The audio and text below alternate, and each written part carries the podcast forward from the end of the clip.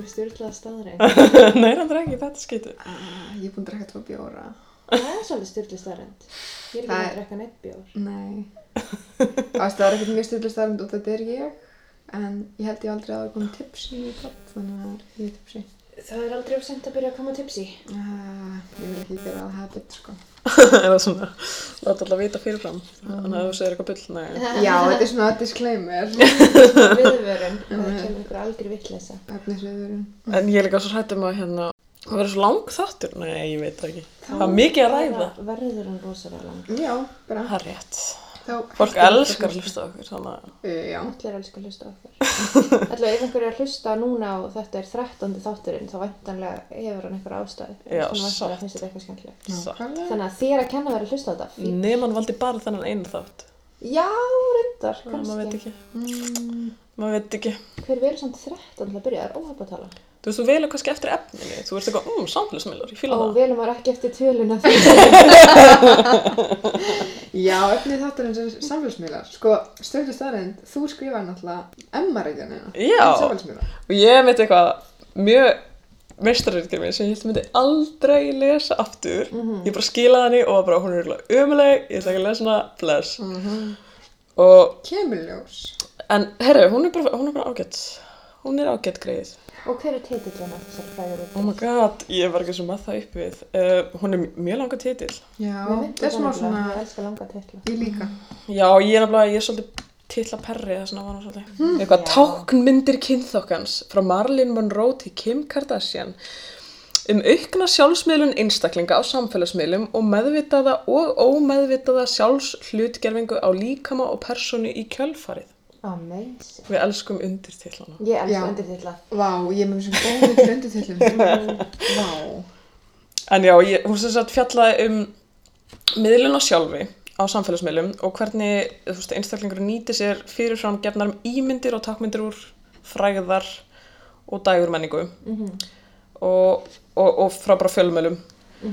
Og ég var svona að rýna í ástæður sem liggja baki þörf einstaklinga fyrir að miðla lífi sinu og skoðaði út frá sjónarhörni að einstaklingur sé með þessari símiðlun að hlutgera sig á vissan hátt. Og þá uh, væntalega datt ég svolítið inn á að, að skoða mest megnis konuna.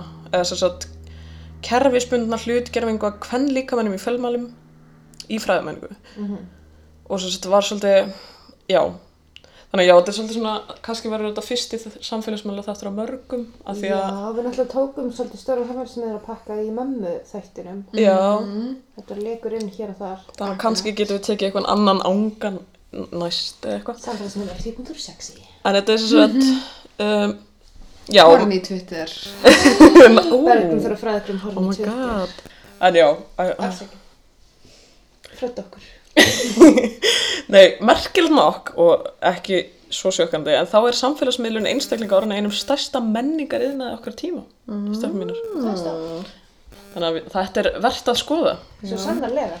en ok, ég er einna, ok, ég kom inn með eitthvað ég, hvaða spurningar ég vil velta fram og þetta eru sko margar spurningar Ok, ég elska, við erum bara fólk með svona fyrirlestur, bara svona hugsind þing. Það? Já, já, Ég það. en ég er smá svona, kannski verður þetta ekki nýtt með að heldur ég er bara eitthvað út um allt Er það ekki bara fín? Jú, jú. og ég var smá svona veistarritgerð mín að margt gáðulegt í henni en hún var líka smá út um allt en Það er svolítið það ég. er svo margt sem tengist inn í annað. Ég veit Það er svo það. erfitt að ætla bara að segja eitthvað eitt og vera eitthvað, nei, engir útritúrar hér, krakkar. einmitt, klálega sko. eins og ég teki eftir að ég ger smáði ég með þátt og ég ekki segja neitt, ég er að tala. Já, ég er að lesa hérna upp það sem ég skrifaði gáðulega Ég er að halda einræðustelpur, farið. það er nefnilega, ég er Svo mjög gott fyrir þannig þátt ég náttúrulega var bara að copy-pasta mig Þetta er náttúrulega ekki akademist. Nei, satt Ha? Hvað er ég að gera hérna? Já. En já, sem sagt, spurningarna sem ég var með svona upphæði þáttar og svo er ég bara með fullt af fleiri spurningum Já, Ég við elskum. elska spurningar. Já, við, það er bara það sem við göngum út frá. En ég er svona pæl, þú veist, pælingi með þessum þætti var svona hvernig er fólk að byrtast okkur á samfélagsmiðlum og af hverju eru byrtingamyndin óraunhæf, óraunhæf og er það ekki bara í góðu lagi? Mm. Eða er það ekki lagi? Oh my god, stór spurning. Getur byrtingamyndin einhvern tíma verið raunhæf? Og svo í öðru lagi að vildi ég ræða hvernig við byrtum okkur það að við kunnum bara byrta okkur eins og við lærum úr dægur og fræðamenningu, mm. og líka bara frá hvernig aðrir byrta og svo í þriðalagi sérstaklega sko hvernig konur framseta sig og persónur sína sem ofur kyngerar eða ofur kvenlegar og kannski erum við að fara að rífast úr þetta, ég veit Ok, ekki já, klálega, ég er með smá ríf, rífast punkt. Já, en sko, og líka pælingin sem við vorum með í barningnaþættinum eru samfélagsmiðlar kvennamenning eða kvenna, kvenlægur starfsvettvangur og gaggrinu við þá bara allt sem konu gera eða er verðt að gaggrina þetta? Auðvitað má alveg gaggrina allt. Ég held bæði já og já. Þess að ég held að við gagnum konur meira og eitthvað svona alltaf influencer, þá séum við fyrir einhverja konu sem er alltaf að rífa niður. Já. Þannig að þú veist, ég held að þú veist, þessi bara gaggrindi meira en þú veist, því er ekki að megi gaggrinda það kannski út af einhverju öðru. Þú veist, kannski óþarf að vera eitthvað að þetta bara gett sjálfa og þú ert heimsk. Já, Þú veist, já, það er kannski ekki ve- verð gaggrinni en að með að vera kannski verð eitthvað, er þetta gott fyrir þig eða þú veist, fylgjendur þína eða eitthvað. Þetta er náttúrulega, þú veist, alltaf, et, ok, svo er náttúrulega mikið inn í þessu, er þetta vald, þú veist, erum við með valdið yfir eigin miðlun eða erum við bara að fá eitthvað að láni og nota einhverja gamlar myndir sem við höfum lært áður, einhver, það er ennþá verið að stjórna okkur. Mm og við notum bara, ég veit ekki, þú veist, það sem við lærum, fattu ég hvað ég er að meina? Ég held það og ég held að sé verið að stjórna einhver svolítið. Að maður sér það eins og þú veist, þegar gamalt fólk eða börn er á myndum Já, þá eru þau, þú veist, eins og fávitar af því að þau eru búin að læra hvernig maður Á kvót um á að vera Já. þú veist, að þau eru bara "Bleh", og maður, svona, maður veit sjálfur þegar maður sér þessa mynd að hún er asnaleg Mm. þú veist, annars endilega getur sagt af hverju maður veit bara að þessi manneski er ekki að pósa rétt þú veist Já, einmitt. Já. Já, þú veist, uh, já, ég var einmitt einhvern veginn svona að pæla í, þú veist, væntanlega svolítið, kannski ekki þessum venjulega manni sem bara postar myndum eitthvað fjölskyldulífinu sinu. Já, Heldur svona eins og til dæmis, Svona, svona bransa.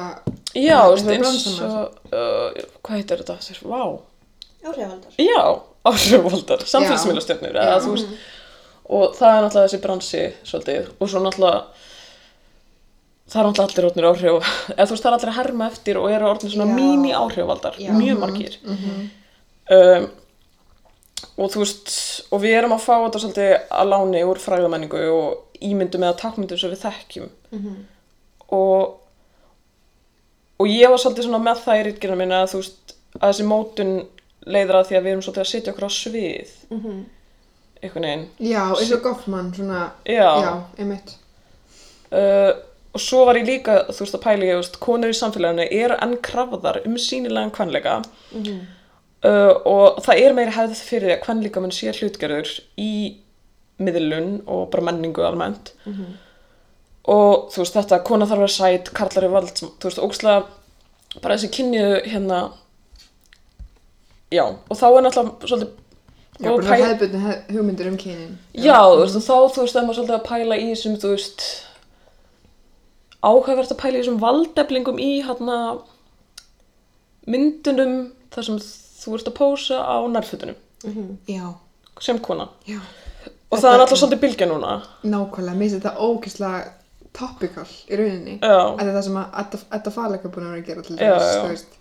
Þetta er bara sjúklega áhugert, hún er núna búin að fara í alveg nokkuð viðtölu, hún er að segja bara, þú veist, það að vera, þú veist, nakin skástrík lítið klættur á myndum þýðir ekki þessi heimsk, sem ég held að allir vissu, en það greinlega Já, gerða ekki mitt. allir. Já, mitt ég En, alveg, þú en samt, þú veist, er einhvern veginn svona, um, en þannig hugsa ég alltaf um bara, þú veist, hvaðan kemur þessi þörf fyrir að gera þetta og þú veist, og kalla ekki þetta alveg líka, hann er miklu minna mæl, eða þú veist, að þú veist, það er öðruvísi, Já, alltaf er miðlun einhvern þú veist, eins og að sjá á Tinder, að sjá á Instagram, þá einhvern veginn, hvernig strákar pósa lítið klættir er alltaf öðruvísi heldur en konur gera, þú veist, og það alltaf snýst líka bara um hvernig, veist, male gaze og female gaze og það allt, en Mhm. þetta er svo sjúklega áhugast að pæla þessu, hvaðan kemur, þú veist, hvað er valið, hvað er frelsi, hvað, veist, valkostinni sem við, já, já, ok.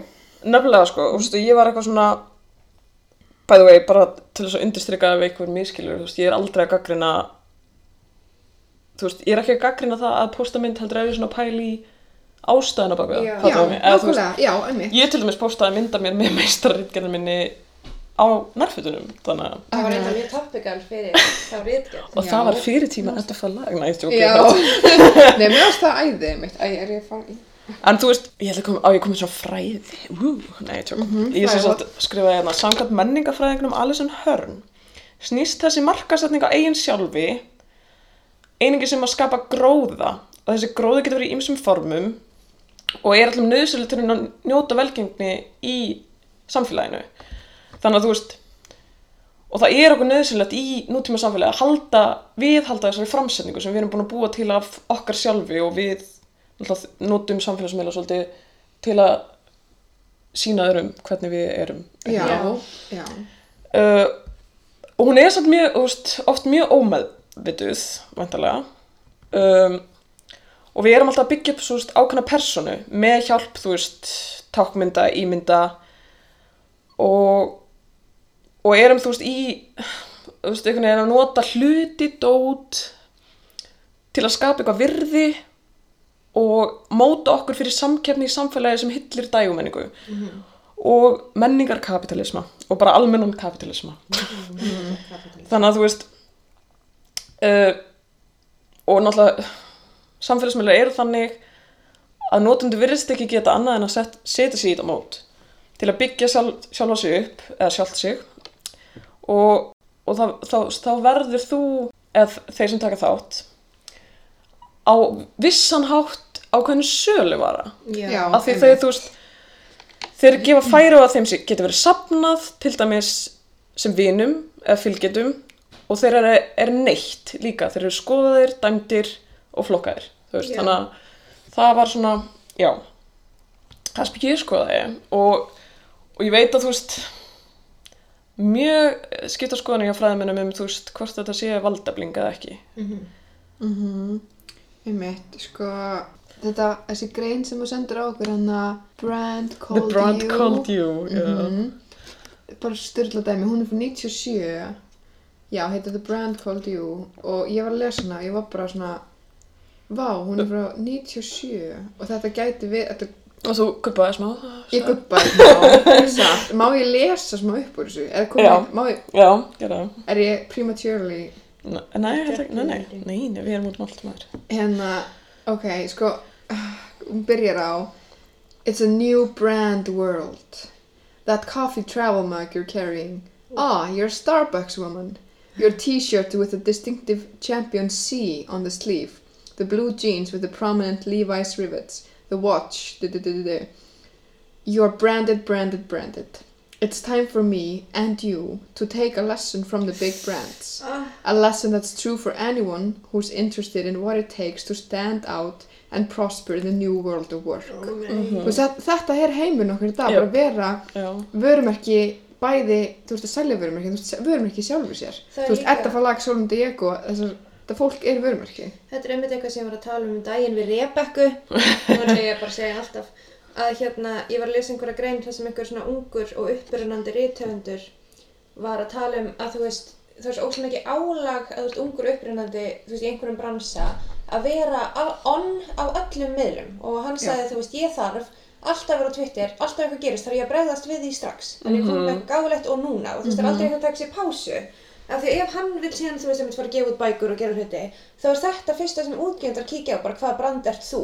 Ó kemur í ljós að þú veist Paul Jones eða eitthvað er með þennan plattform nú þegar. Þetta margir fylgjum og hann er orðin einhver sem við veðjum á því hann er þú veist þekkt breyta. Meðan ef þessi Paul Jones er bara heima hjá sér að gera ekki neitt þú veist nema að skrifa bækuna sínar og kemur með þar og allir eitthvað hver ertu? Þú veist þú þarf að byggja sjálfa þig upp sem vörumerki á öllum þessum miðlum til að geta bara sett tætnar inn um dittnar allavega samkvæmt honum, mér finnst það mjög góð punktur. Þetta er alveg að fara að skipta máli bara fyrir vannjulegt fólk, eða veist, Já, Já, meira þess að einmitt, já. Já, að vissu leiti, vissu sko.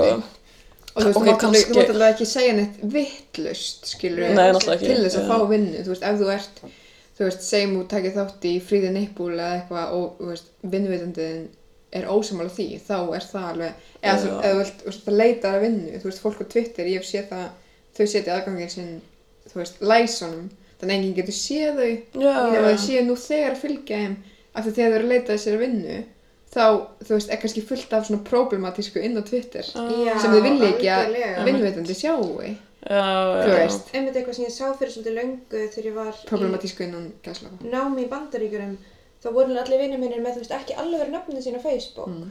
og ég bara, akkur ekki, þau eru þá getur vinnuveitum en ekki fundið mig á Facebook og ég var eitthvað, hvernig skiptir það máli? Að þú veist eins og ég, Já, what? þú veist, þú ég bara komir ekki til hugar, þú veist. Já. Og mér varst það mjög áhugavert þá. En það er alltaf líka þessi framsetning, þú veist, áður fyrr, auðvitað, þú veist, við hefum alltaf framsett okkur á okkur hátt, þú veist, Já. auðvitað komu, ég ætla hérna að framsetja mig sem rosa fína, þannig ég kem í búið, rosa fínt klætt og með, þú veist, nýklift hár eða eitthvað, um, og varlit, eða whatever, og þú veist, ég fæ gesti heim til mín og húsið mitt er, þú veist, hreint og fínt. Og ég vil framsetja mig þannig, ég, þú veist, Já, hugsa um það eða eitthvað. eða eitthvað þannig. En núna náttúrulega er þetta orðið líka þannig að þú ert með þessa miðla til, uh, já, til að segnin framsetja þig á fyrir fleirum Já. og, Já. já, Að og, og þú getur líka náttúrulega valið hvað þú sýnir og hvað þú sýnir ekki Mhm. og þú veist, það getur lítið út eins og ég hafi átt bara fullkominn dag af því ég var bara eitthvað, tók myndra kaffibóllanum á kaffihúsinu og þú veist góða verðun úti og ég kannski veist, tók fimm myndir lappetúr eða eitthvað whatever, skilur, leit út fyrir að ég var ókslega dugleg, ég veit ekki þannig að þetta er ekkert nýtt, en þetta er bara orðið meira, Já, einhvern veginn, já. eða þú veist Í þessi grein, starting today, you are a brand. mhm, Bara, Svo mikið science fiction eitthvað. já, creepy. og þú veist, það er meira að tala hérna um influence power. Þú veist, Nei.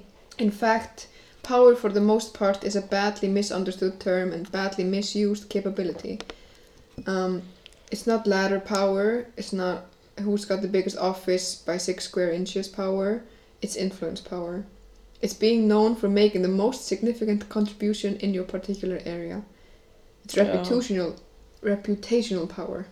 Veist, I know this may sound like selfishness, but being CEO of me incorporated. Þetta þarna gubbaði requires you to act selfishly to grow yourself, promote yourself, get the market to reward yourself. mhm, After all, everything you do to grow me incorporated is gravy for the company you work for.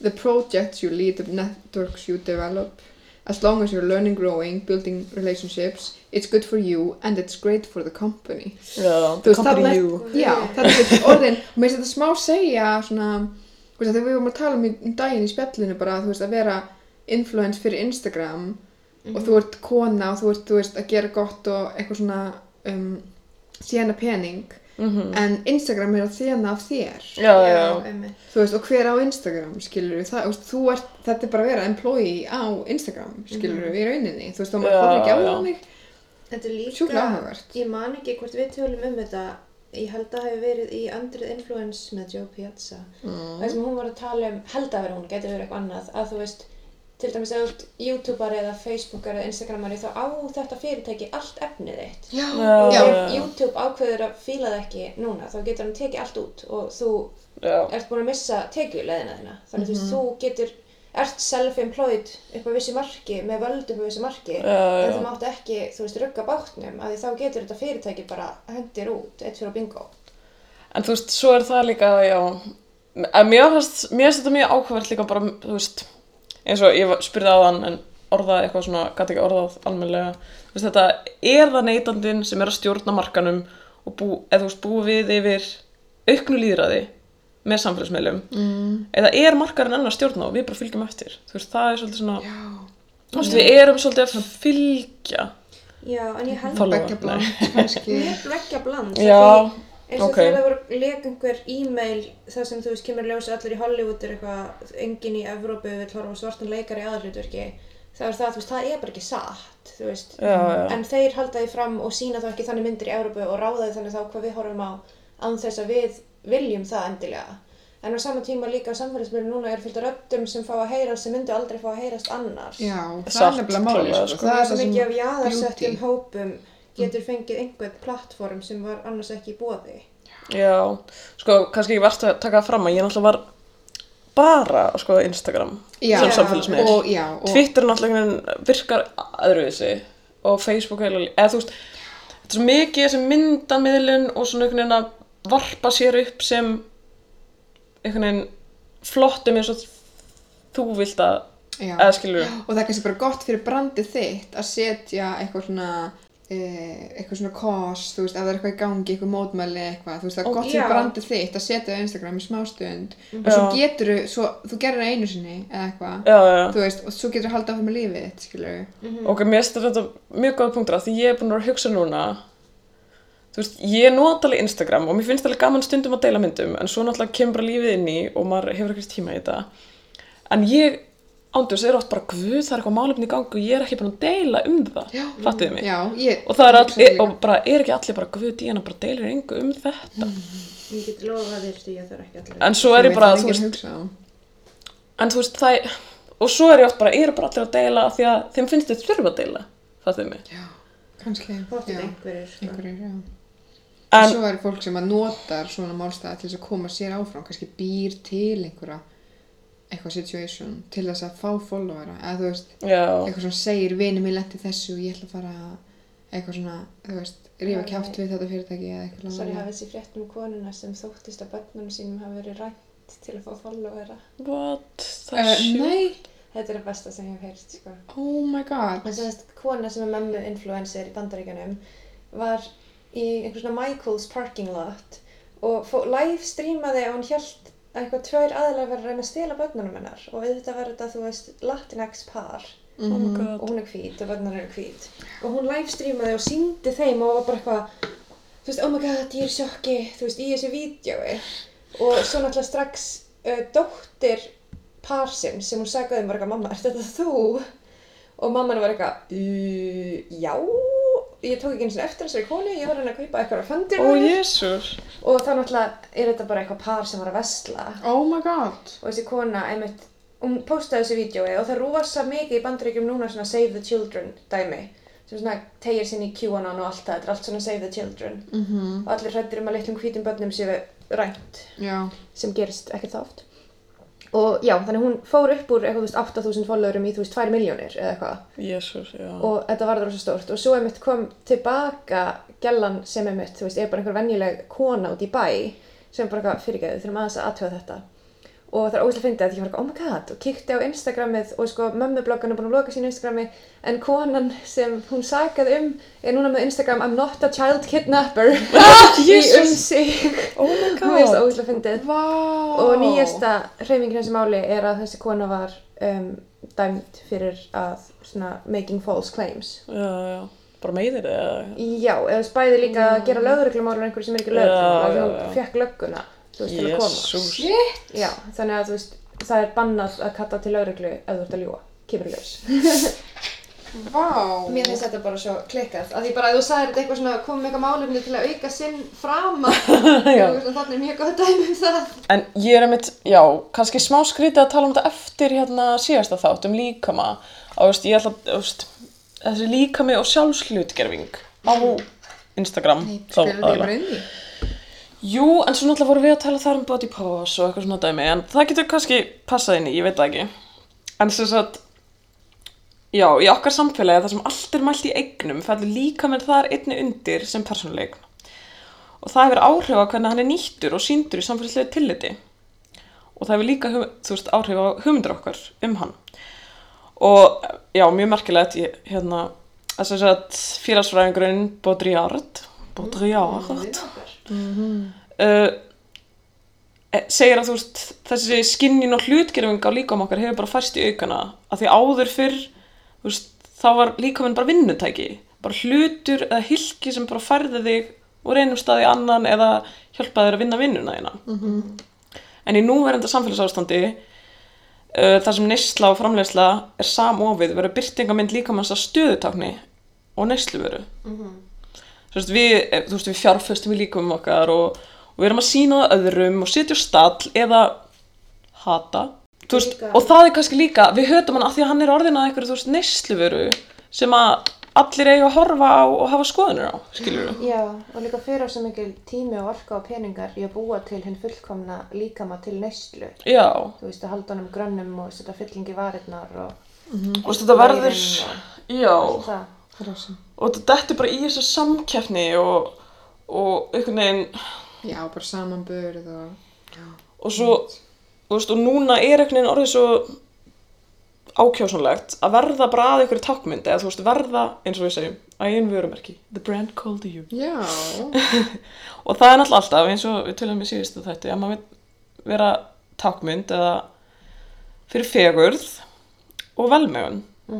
Oftast bara, ég meina ég ég þekki, að ég þekki allavega engan sem er eitthvað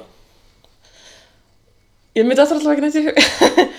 En þú veist og þá einhvern veginn kemur inn í þessi kvíði þú veist, sem samfélagsmiðlar eru að búa til og, eða íta undir, hann er ekki búan til. Mm. uh, þú veist, einstaklingurinn er alltaf að reyna að herma Já. og gera sjálfan sig að viðfangið sér síðan aðri geta öfundað. Og við erum einhvern veginn alltaf föst á millið sem við erum og þess sem okkur langar til að verða. Og, og það er alltaf bara tóma milli. Já, en þú veist, samfélagsmiðlir hjálpa til við að auka við slíka þörf en þeir á sama tíma auka við tækifæri til árangurs.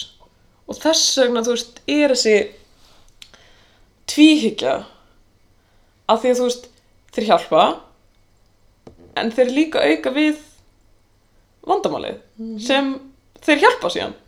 Má ég koma með einskot? já, Ég hef bara, þegar við vorum að ræða þetta þennan þátt, reynda, hérna, ákveða hvað ætlum að tala um, þá myndi ég, og ég las þessa brand called me, called you, uh, hérna, nei, grein, þetta er mér í hug, hérna, reykjar sem ég las fyrir mína bachelor, reykjar sem heitir kynjamyndir og kyngerfi nýfrálsíkunar eftir Þorgerði já. Þetta er sko hérna rýmar svo vel við það sem þú ert að segja að þau er sérst hérna Þorgerur og svona Kolbjörn Stefansson sem var rítstjóri um, þetta er sérst úr bók sem heitir Eiliðavélin og falla mjög mikið um hrunið. Mm já, já, já, hrunið þið munið. En hérna það eru þau sérst að tala um já hérna nýfrálsíkuna og svona kynja vinkilinn sorry er ég að grípa rosalega Nei, fram alls mér? ekki, nei, ég til það. um, ok, og þessi er að tala um bara svona hugmyndafræðilega stóðir nýfrálsíkunar og það er einstaklisíkja, rosa mikil þú veist, hugmyndafræðilega stóð þú veist, Jú, jú. um, hérna og og þú veist hluti af nýfrálsíkju er bara þetta frelsi og valfrelsi og, og þú veist, að hafa valkosti og eitthvað svona um, og kannski útskýra hugtæki nýfrálsíkja það er sérst aðalega þess það er svona einhvers konar frálsíkja nema svona nýri svona hvað segir maður? Neofrjálsi. já, það er neoliberalism. Þannig að það er frálsíkja sem er liberalism og nýfrálsíkja sem er neoliberalism en hérna þau segja sko að nýfrálsíkja sé aðalega notuð af andstæðingum nýfrálsíkju Já. um, og þú veist til dæmis var rótæk frálsíkja notað í orðræðinu um hrunið veist sem svona drifkraftur svona hugmyndafræðilega drifkraftur. Um, en nýfrálsíkja er sérst menningar ástand og hugmyndafræði sem hefur náð nattrætni útbryslu og upphófst um 1980 með valdtöku Margaret Thatcher og Ronald Reagan. Þallir sér og reykan. um, hún snýst um að lámarka umsvif og rík, umsvif ríkisvaldsins með engavæðingu ríkisfyrirtækja eins og til dæmis banka og svo aukna áherslu á enga eigna rétt og áherslu auðlindum og fiskistofnum og orku og minkandi regluverki. Og inn í þessari grein kemur þess að þeir tala um stöðu kvenna vegna þess að í fátækarlöndum býður hinn nattvætti, nattvætti kapitalismi upp á aukna möguleika kvenna til mentunar og atvinnu en vinnuðastöður eru oft slæmar, launin lág og öryggi lítið. Þú veist, vegna þess að það er minkandi regluverk. Já. Já, finnst ykkur þetta eitthvað passa við það sem þú veist að segja þú veist, þannig að þú veist, reyfalegi kvenna hefur aukist já, já, ég skilji. En- flytist í búferlum þú veist, til skapa sér betra líf og hafa þú veist, meir um að velja en þetta bitna samt í rauninni Á þeim. á þeim vegna þess að þú veist, niðurskur í velferðarkerfa og minkandi ríkisútgjöld þú veist, kemur niður svona fólki í viðkvæmi stöðu sem Já. eru oft mæður með ung börn og, og svo framvegis já. og, og þetta er hérna og já bara það einstaklingshugtæki er svo fastmótað inn í nýfélsíkuna og þú veist, og Allir eru bara að hugsa um sig já, og og, sína. og það er það sem samfélagsmiðla snúast svo rosalega mikið um og það er þessi narsisismi sem við erum alltaf sögum af eldri kynnslóð Mhm. Já. að vera, þú veist, að einhvern veginn að einstaklingurinn er svo mikið brand, þú veist, á samfélagsmiðlum, sko um, og hérna já, þú veist, það, ég get svo sem komið inn þetta bara setna, en þetta var bara svo mér fannst þetta svona smá klikka með það sem þú veist að segja með hérna, þú veist þú veist, um, betri kostir en samt líka verri kostir, eða skilur Algjörlega. við? Já. Já, þetta er mjög góður punktur.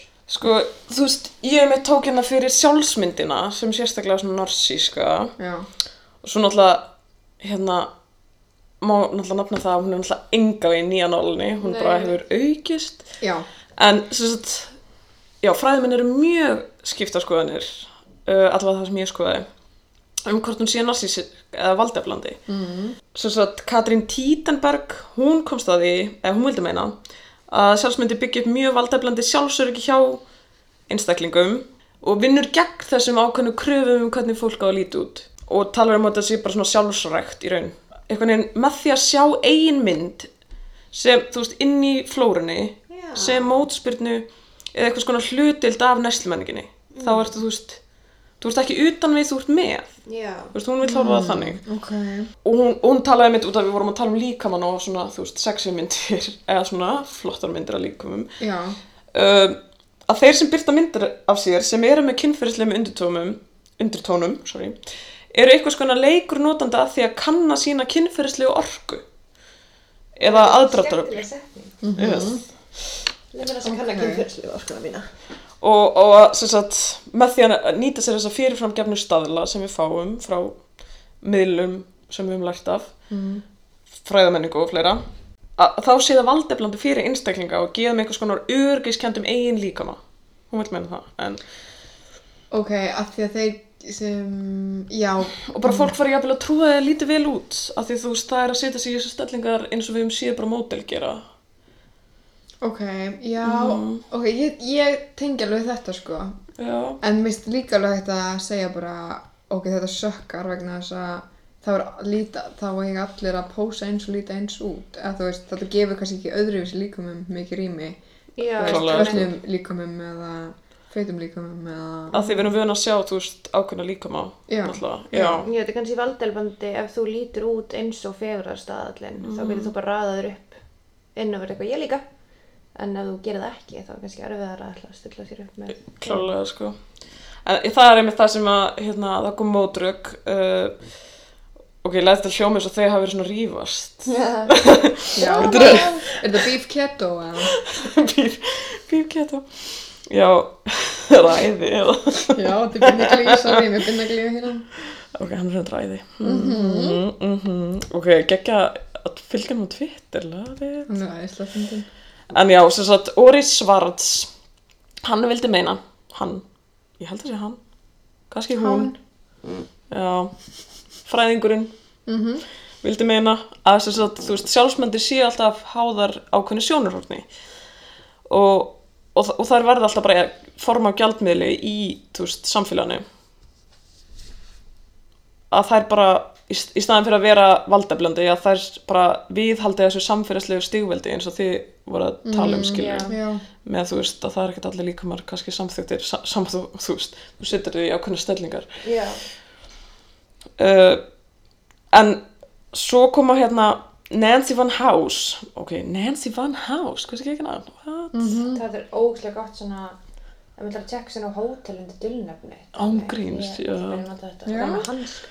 Og Mark Davis, þeir segja sem sagt, negla þessa tvíhyggju sjálfsmyndarinnar og, og segja að hún sé þú veist miðlun og sjálfur sér snúi meira utan að komandi áhrifum heldur en innra sálarlifi hún er valdeblandi en á þann hátt að hún hefur áhrif á það hvernig aðri sjá okkur.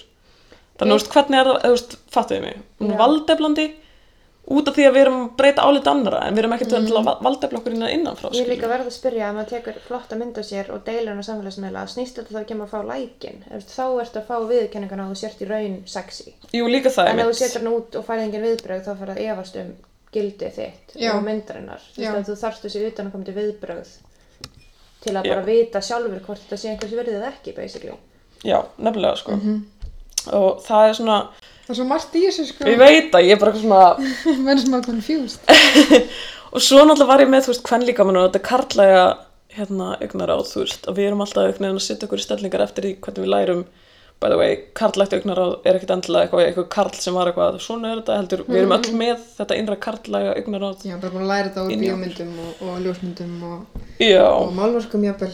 já, þannig að við einhvern veginn erum alltaf að fylgja eftir einhverju en á sama tíma líður okkur eins og við höfum völdin en svo, ég veit ekki hvað mér sjálfri finnst sko, ég er svona, Sko, ég get komið smá einskot já, um, að það er hérna Þorgerður í hérna greininni talar um, þú veist hérna, einstaklingshugtakið að þú veist, upphaflega áttu konur enga hlutild í einstaklingshugtakinu, þú veist, fyrir hundra árum eða pluss, kannski, já, aðeins meira. Um, og hérna sem sagt saga einstaklingshugtakisins byggist á þversamakendum hugmyndum sem sagt annars vegar hugmyndinum hinn abstrakt einstaklings sem er ætlað að vera samnöfnari fyrir all- allt mannkinn og svo einstaklingurinn sem er sérstakur eða einstakur og ólíkur öllum öðrum. Einstaklingshyggjan hefur því fætt af sér eðlishyggju áherslu á ólíkt, sorry, ég misti eins og þessi svona, misti eins og þessi að krassa þátti. nei, alls ekki Hérna, þú veist, hérna, uh, hugmyndir sem gerir konum kleift að líta á sig sem einstaklinga sem hefðu jafnan rétt og kallar. Um, að hérna, það sem ég ætla að segja var, pælingin er, sem sagt, með þú veist hugtakið sjálfsforræði, að þú veist, gerenda hæfni. veist, það er sem við erum að velta fyrir okkur núna já, þú veist, ok, vera einstaklingur með gerandahæfni og svona vilja og fyrst frjálst val og allt þetta. En svo er maður bara inni í einhvern samfélaginu og þú átt svo svona þú veist, þér er svona þröngt skorinn stakkur skilur í rauninu já, já, Þú já. veist- þú veist, maður er í raun bara innan þessa ramma og þú hefur bara þetta til að vinna með Mhm. og þá einhvern veginn, þú veist, ef þetta er eina valdeblingin sem ég kann og sem ég fæ þá þú veist sækir maður í það. og, og svo kem ég hérna og gaggrinni þessa valdeflingur nei, en þú veist, og þá er það bara þú veist, auðvitað er það flott valdefling Mhm. ég er ekki að segja hún sé, já, ég er ekki að segja hún sé slæmendla heldur bara svona, nei, þetta hvaðan hún kemur af því Já. að þú veist já, við, við kunnum ekki, eða við höfum ekki neitt annað Nei, veginn. því einmitt, mér finnst til mér sem saga bara hvenna, þú veist, hvenna baráttu, þú veist, hérna, við erum með réttin yfir eigin líkama, þú veist, og réttin til fóstureyðinga og rétt, þú veist, baráttu gegn kynbundu óbeldi og öllu öðru. Þetta, þetta er svo svona byggt á þessari hugmynd um að konur hafi gerandahæfni, þú veist, og ég er ekki, ég er ekki að segja konur hafi það ekki, skilur Mhm. en svo er að snúa svo kvolf og hérna, svona, þú veist, um, eins og Þorgjur segir í þessu ljósi er aðeinsvert að í okkar samtíma er sjálfsforræði kvenna í vaksandi mæli notið til að réttlæta kröfur um brjóstastækkanir vændi, þú veist, í nafni valdeflinga kvenna Já. ok, hún er alltaf reyndar svona smá annar blíkik feminismi, þannig að ég held að hún hef ekki sömu vændi og ég til dæmis. En þú veist, þannig að sjálfsforræði og val sé túlkað í þrengstu merkingu orðana og þú veist, og hort framhjá veruleikar sem rammar inn valkostuna. Já. þú veist, efnislega og hugmyndafræðilega þú veist, þessi valdatengsl einhvern veginn, þú veist uh, þú veist, þegar við erum alltaf í svona stöður baráttu einhvern veginn, já, þú veist, er ég bara eins og ég setti mynd á mér á Twitter á Mhm. nærbuksunum um daginn og ég var eitthvað, minnst ég hot. Mhm. eitthvað, svo daginn eftir var ég eitthvað nei, þetta er ekki, þetta er ekki þetta er ekki það sem ég vildi gera, skilju og maður er veginn svona, er ég að þetta fyrir mig? Er ég að gera þetta því að mögulega sér einhver mig og finnst ég sæt? Já, veistu, já, ég tengi mjög mikið það, en já, ég mitt hérna, sem sagt, Rosalind Gill skrifaði það 2008 um, sagt, konuna og miðlun hennar, já, elskar ta- Rósland Gil já, og talaði mitt um, þú veist, að virði konunar er alltaf mælt út frá líkamennar Já. og hann er, og hann er því, eins og hún segir, nánast hennar eina menningarlega auðmægn í átta velgengni. Já, og samþygt í samfélaginu. Mm. bæði þú veist, velgengni og samþygt og þetta veist, er ógeðslega mikið til í þessu sko. já, sem er svona þú veist og ég skrifaði hérna eitthvað þegar konan byrti nægt að mynda sig sjálf meðvituð um hefðina og um hefði karlaði sjónar er hún þá búin að taka til sín valdið á einn framsendingu eða er hún einung- einungis að blekja sjálfan sig og gangast við hefði sem undir okkana er vald fólkið í að þekkja misskiptingu og viðhalda ímyndum hennar á meðan hátt eða fælst ákveðin uppgjöf í að samþykja hlutgerfingu eigin sjálfs. já, Í hverju fælst vald konunar yfir eigin líkama? Þú veist, þetta er svo mikið ströggl okkar tíma sem feministar Já. að vera í sko, já.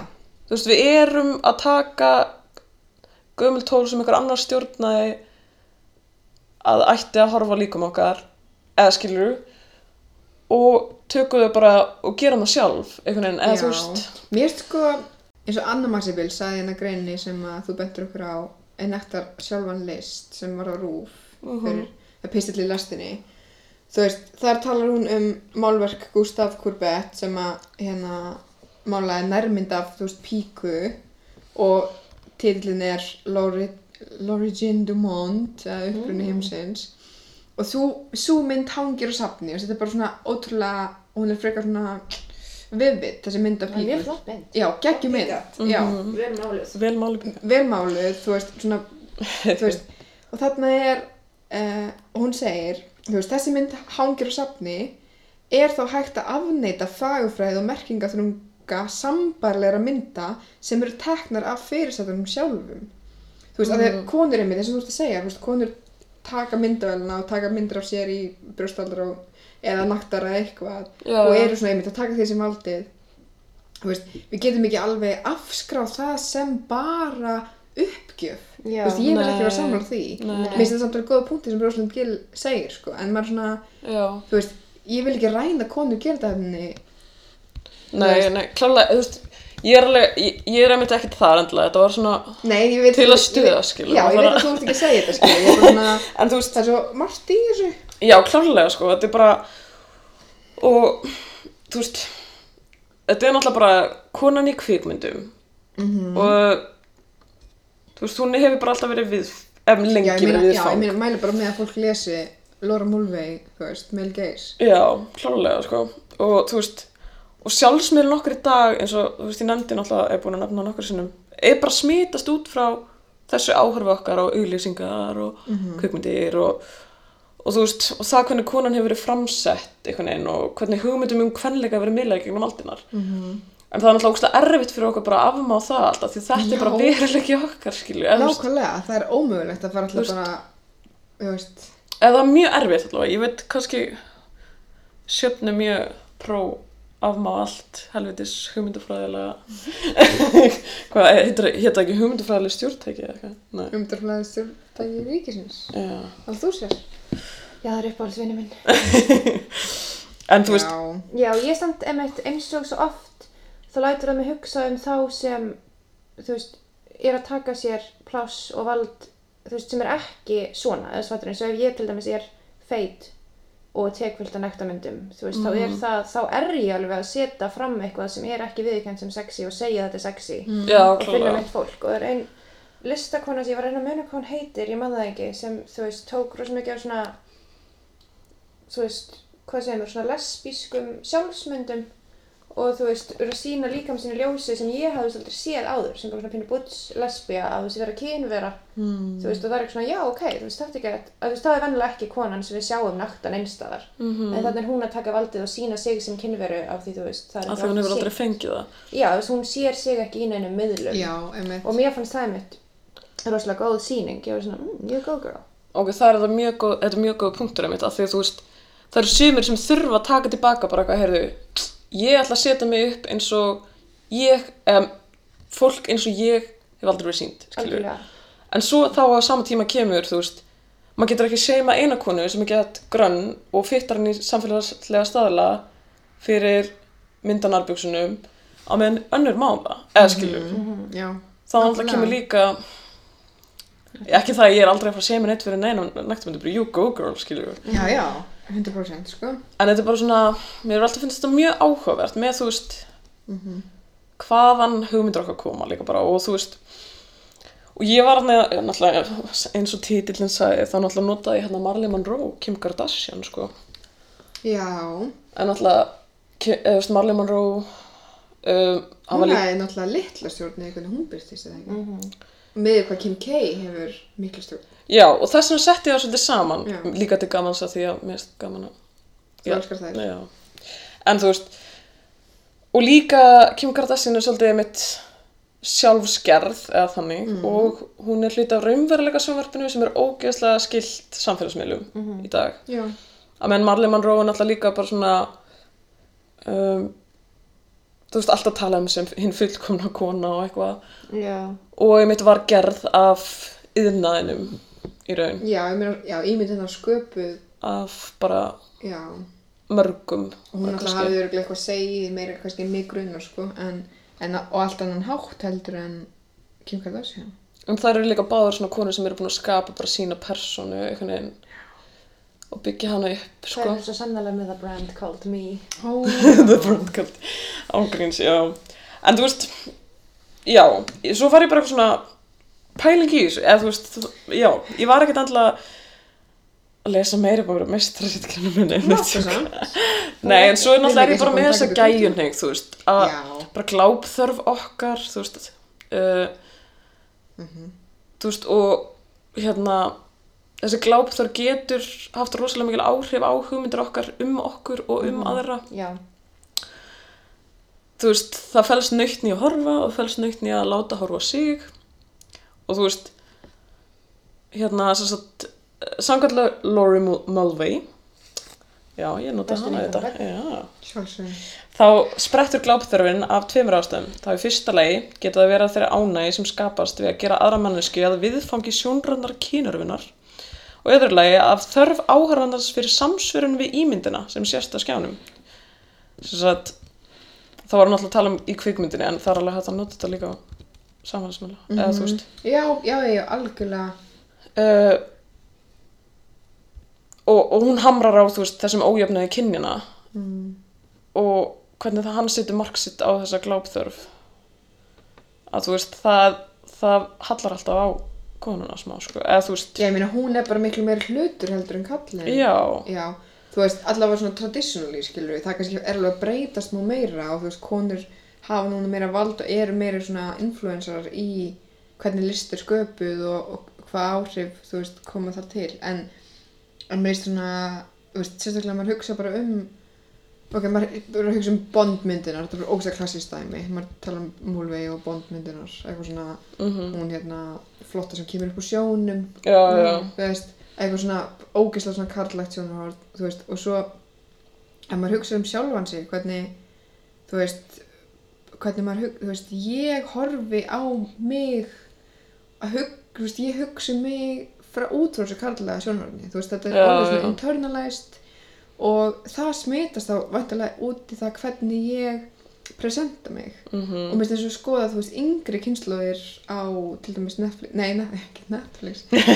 Skoða yngri kynnslóðir, þú veist yngri fólkin okkur á TikTok og Instagram. Já, þau vita nákvæmlega hvernig þau líta best út. Og ég er kannski búin að segja þetta áður í þessum þætti. Já, þú veist þau vita alveg þessi liði betur en hinn mhm, hvað Þess- þetta- já, já, nákvæmlega, bara er einhvern veginn með svo mikið onnit, öðru sér heldur en veist, við vorum, þegar við vorum veist, 15 þú veist, það var bara eitthvað ljót mynd af mér eitthvað brosandi, skilur þú veist, Já. eitthvað, eh. Einmitt. Allar myndir einmitt af mér og vinkonum með þessum aldrei það eru bara gæðvilt vandræðilegar. já, Það og maður er er eitthvað svona, eitthvað Ég það bara lippast einhverjum þarna brosandi og lítur- út fyrir það sem er óþægilegt hjá okkur. Já. Þetta er bara myndirnar af okkur, bara fyrir Mhm. öll böll og allt. Maður er eitthvað, eh, nákvæmlega Þetta er amazing hvað við erum vandræðilegar.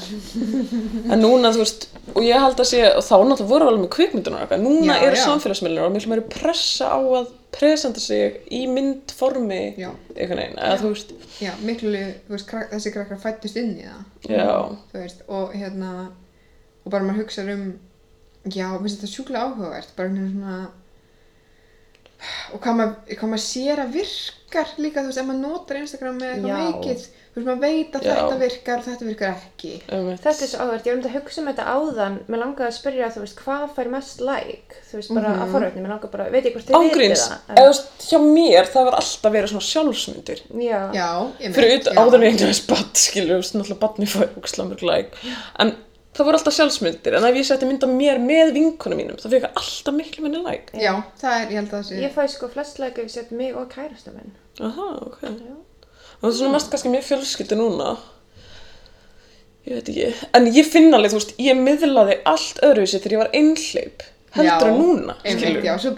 já, svo breytist það, sko Þú veist, og maður alveg svona setti sig, ég setti mig, að ok, ég setti mig allavega í mjög mikil stellingar þegar ég var einhleip. Af því að þetta var, þú veist, ég var rétt um höndbaði að gera líka þetta var hashtæki, skilur. já, vænt Já, veist, þannig að auðvitað þurftum að setja sér í meiri stellingar heldur Já. núna, Ég núna myndi- er ég bara eitthvað kaffibólu minna eitthvað whatever Ég myndi vera að hugsa þetta aðan líka, þú veist, ég hef ekki þörf fyrir að vera séð sem, þú veist, spennandi ástarviðfang af umheiminum, akkurat núna.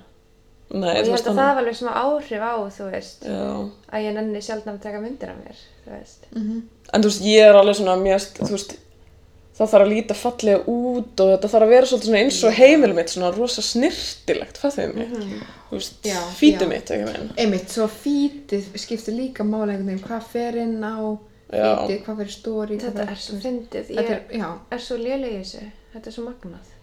Þú veist að ég hef alveg verið að chilla með einhverjum sem kann þetta og er að gera þetta bara on point. Og ég er bara eitthvað, þú veist, ég samt get alveg séð, ég þekki alveg Instagram sem virkar, kvót on kvót, ef ég sé það í sjón. Já, já, já, hef ekki orkun ég geti til að stopna gera það sjálf. Já, þú veist, ég hef oft verið eitthvað svona blekkið með eitthvað, æ, ég bara set minningar, svo, þú veist, set ég samt ekkert ég er ekkert eitthvað setja hvaða mynd sem er, hún verður að vera flott skilju, eða þú veist Já, og margar sem, sem mér finnst geða flotta myndir sem ég hef í símanum sem eru samt ekki svona Instagram myndir. Fattuðu mig? ég sko fatt það eiginlega ekki. það ég er svona, ég fatt ekki Ég er náttúrulega bara, ég, ég viðkynna, ég er mjög mikið inn í þessu og eitthvað on point, eitthvað að þú veist pæli þessu. Og ég hef alveg reynd að vera eitthvað svona hættu núna eða þú veist að reyna að slíta mig frá því og það er alveg, er, mér finnst það erfitt. Þannig ég get alveg ímynda mér veist, og þess vegna er ég ekki að dæma neitt fyrir fítið sitt eða þú veist að pæla ógstlega mikið Ég vona að þetta dæmburgur fítið, þá erum við ekki vinkanur, sko. Ég er fyrir- og ég myndi að dæma þau ef það varst að fyrir að kjúra fítið Ah, ok, skil þig. en þú ég, Já, ég var nýlega bara að fatta að að curate er eitthvað þing þú veist, að vera eitthvað svona þrjár svona myndir en eitthvað svona, þú veist, ég, það er mjög stutt síðan ég fatta að það væri actually þing sem fólk gerði þú veist, ég man Já. eftir að hérna, ein stelpa sem ég þekki frá maður mér back fyrir einhverjum, Curate, já. já, fyrir einhverjum árum þá var hann eitthvað, oh my god, ég elska Instagramið þitt, eitthvað svona, hvernig svona væpið er, ég er eitthvað hæ?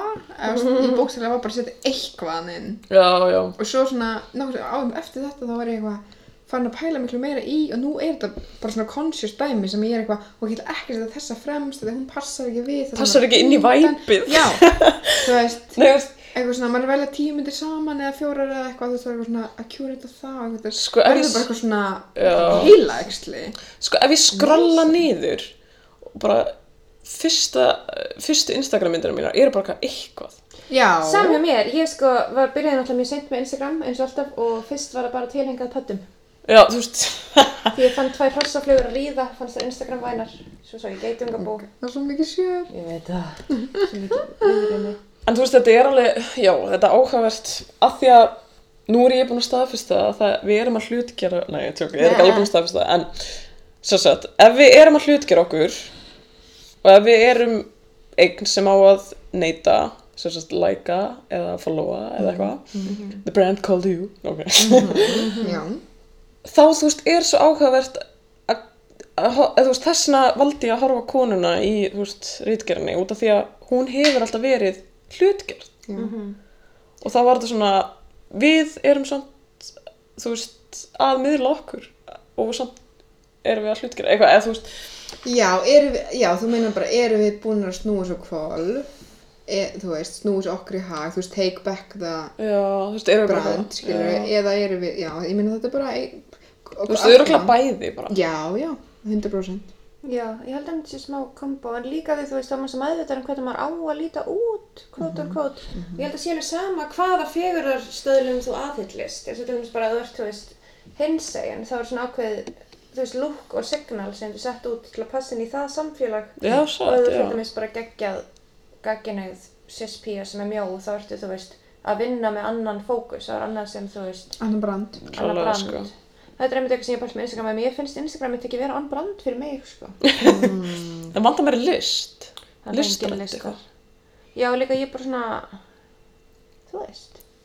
needs more art Nei, það er líka, þú veist ég meina, ok, við erum ekki að tala um eitthvað samfélagsmiðlar og eitthvað sem að, þú veist, er að selja okkur dót og vörur en á sama tíma, þú veist bara ef maður, ef maður er að lista maður þá getur þetta líka skipt máli, Og það er mér líka, mér finnst það perrandi, þú veist, krafan um að allt sé söluvara. Þú veist, það er ekki lengur að vera bara með hobby. Þú þarft að vera að selja allt sem þú ert að gera.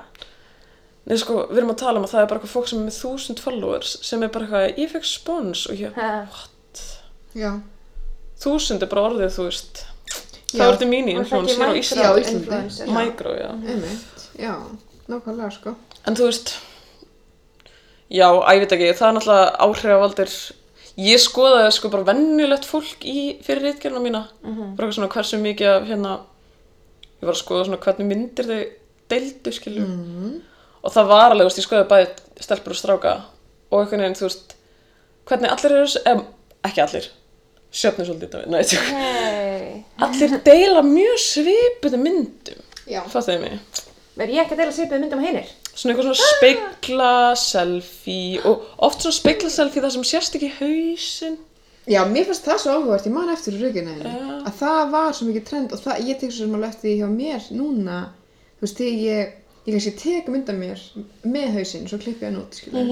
já, já, já, ummi og þá er maður, þá er ég 100% að hlutgerði sjálf mig. Já. Það finnst mér vera hlutgerðing að þú tekur persónuna Já. skilur, í raun Já, í burtu það af er myndinni kjötstykki bara í einhverjum Kjötið ég meina, ég, já með ritgerðinni, þá, þá hana, með ritgerðinni, með hana myndinni sem ég postaði með, þegar ég skilaði ritgerðinni Já, þá tók ég hausinn já.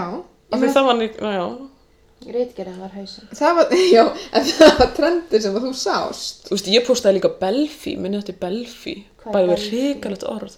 What but? Já, myndi Þeir alltaf átt að vera svona í heitabátt og vera svona, Ég man, eftir. ég var samt ekki ein mér til varnar, þetta var átt að vera djók, skilur, það quote on quote, skilur, eða þú veist, Já, með einhverjum öðrum eitthvað, og þetta var svona djók, nema auðvitað, þú veist, ég var einhleip þá, skilur, Mhm. maður að þess að sína ras, uh -huh. Aha, Að sína hverju þú situr á. já, jú, jú. Mikilvægt. hvort eitthvað vilja að ég sitja á sig, nei, nú er Ok!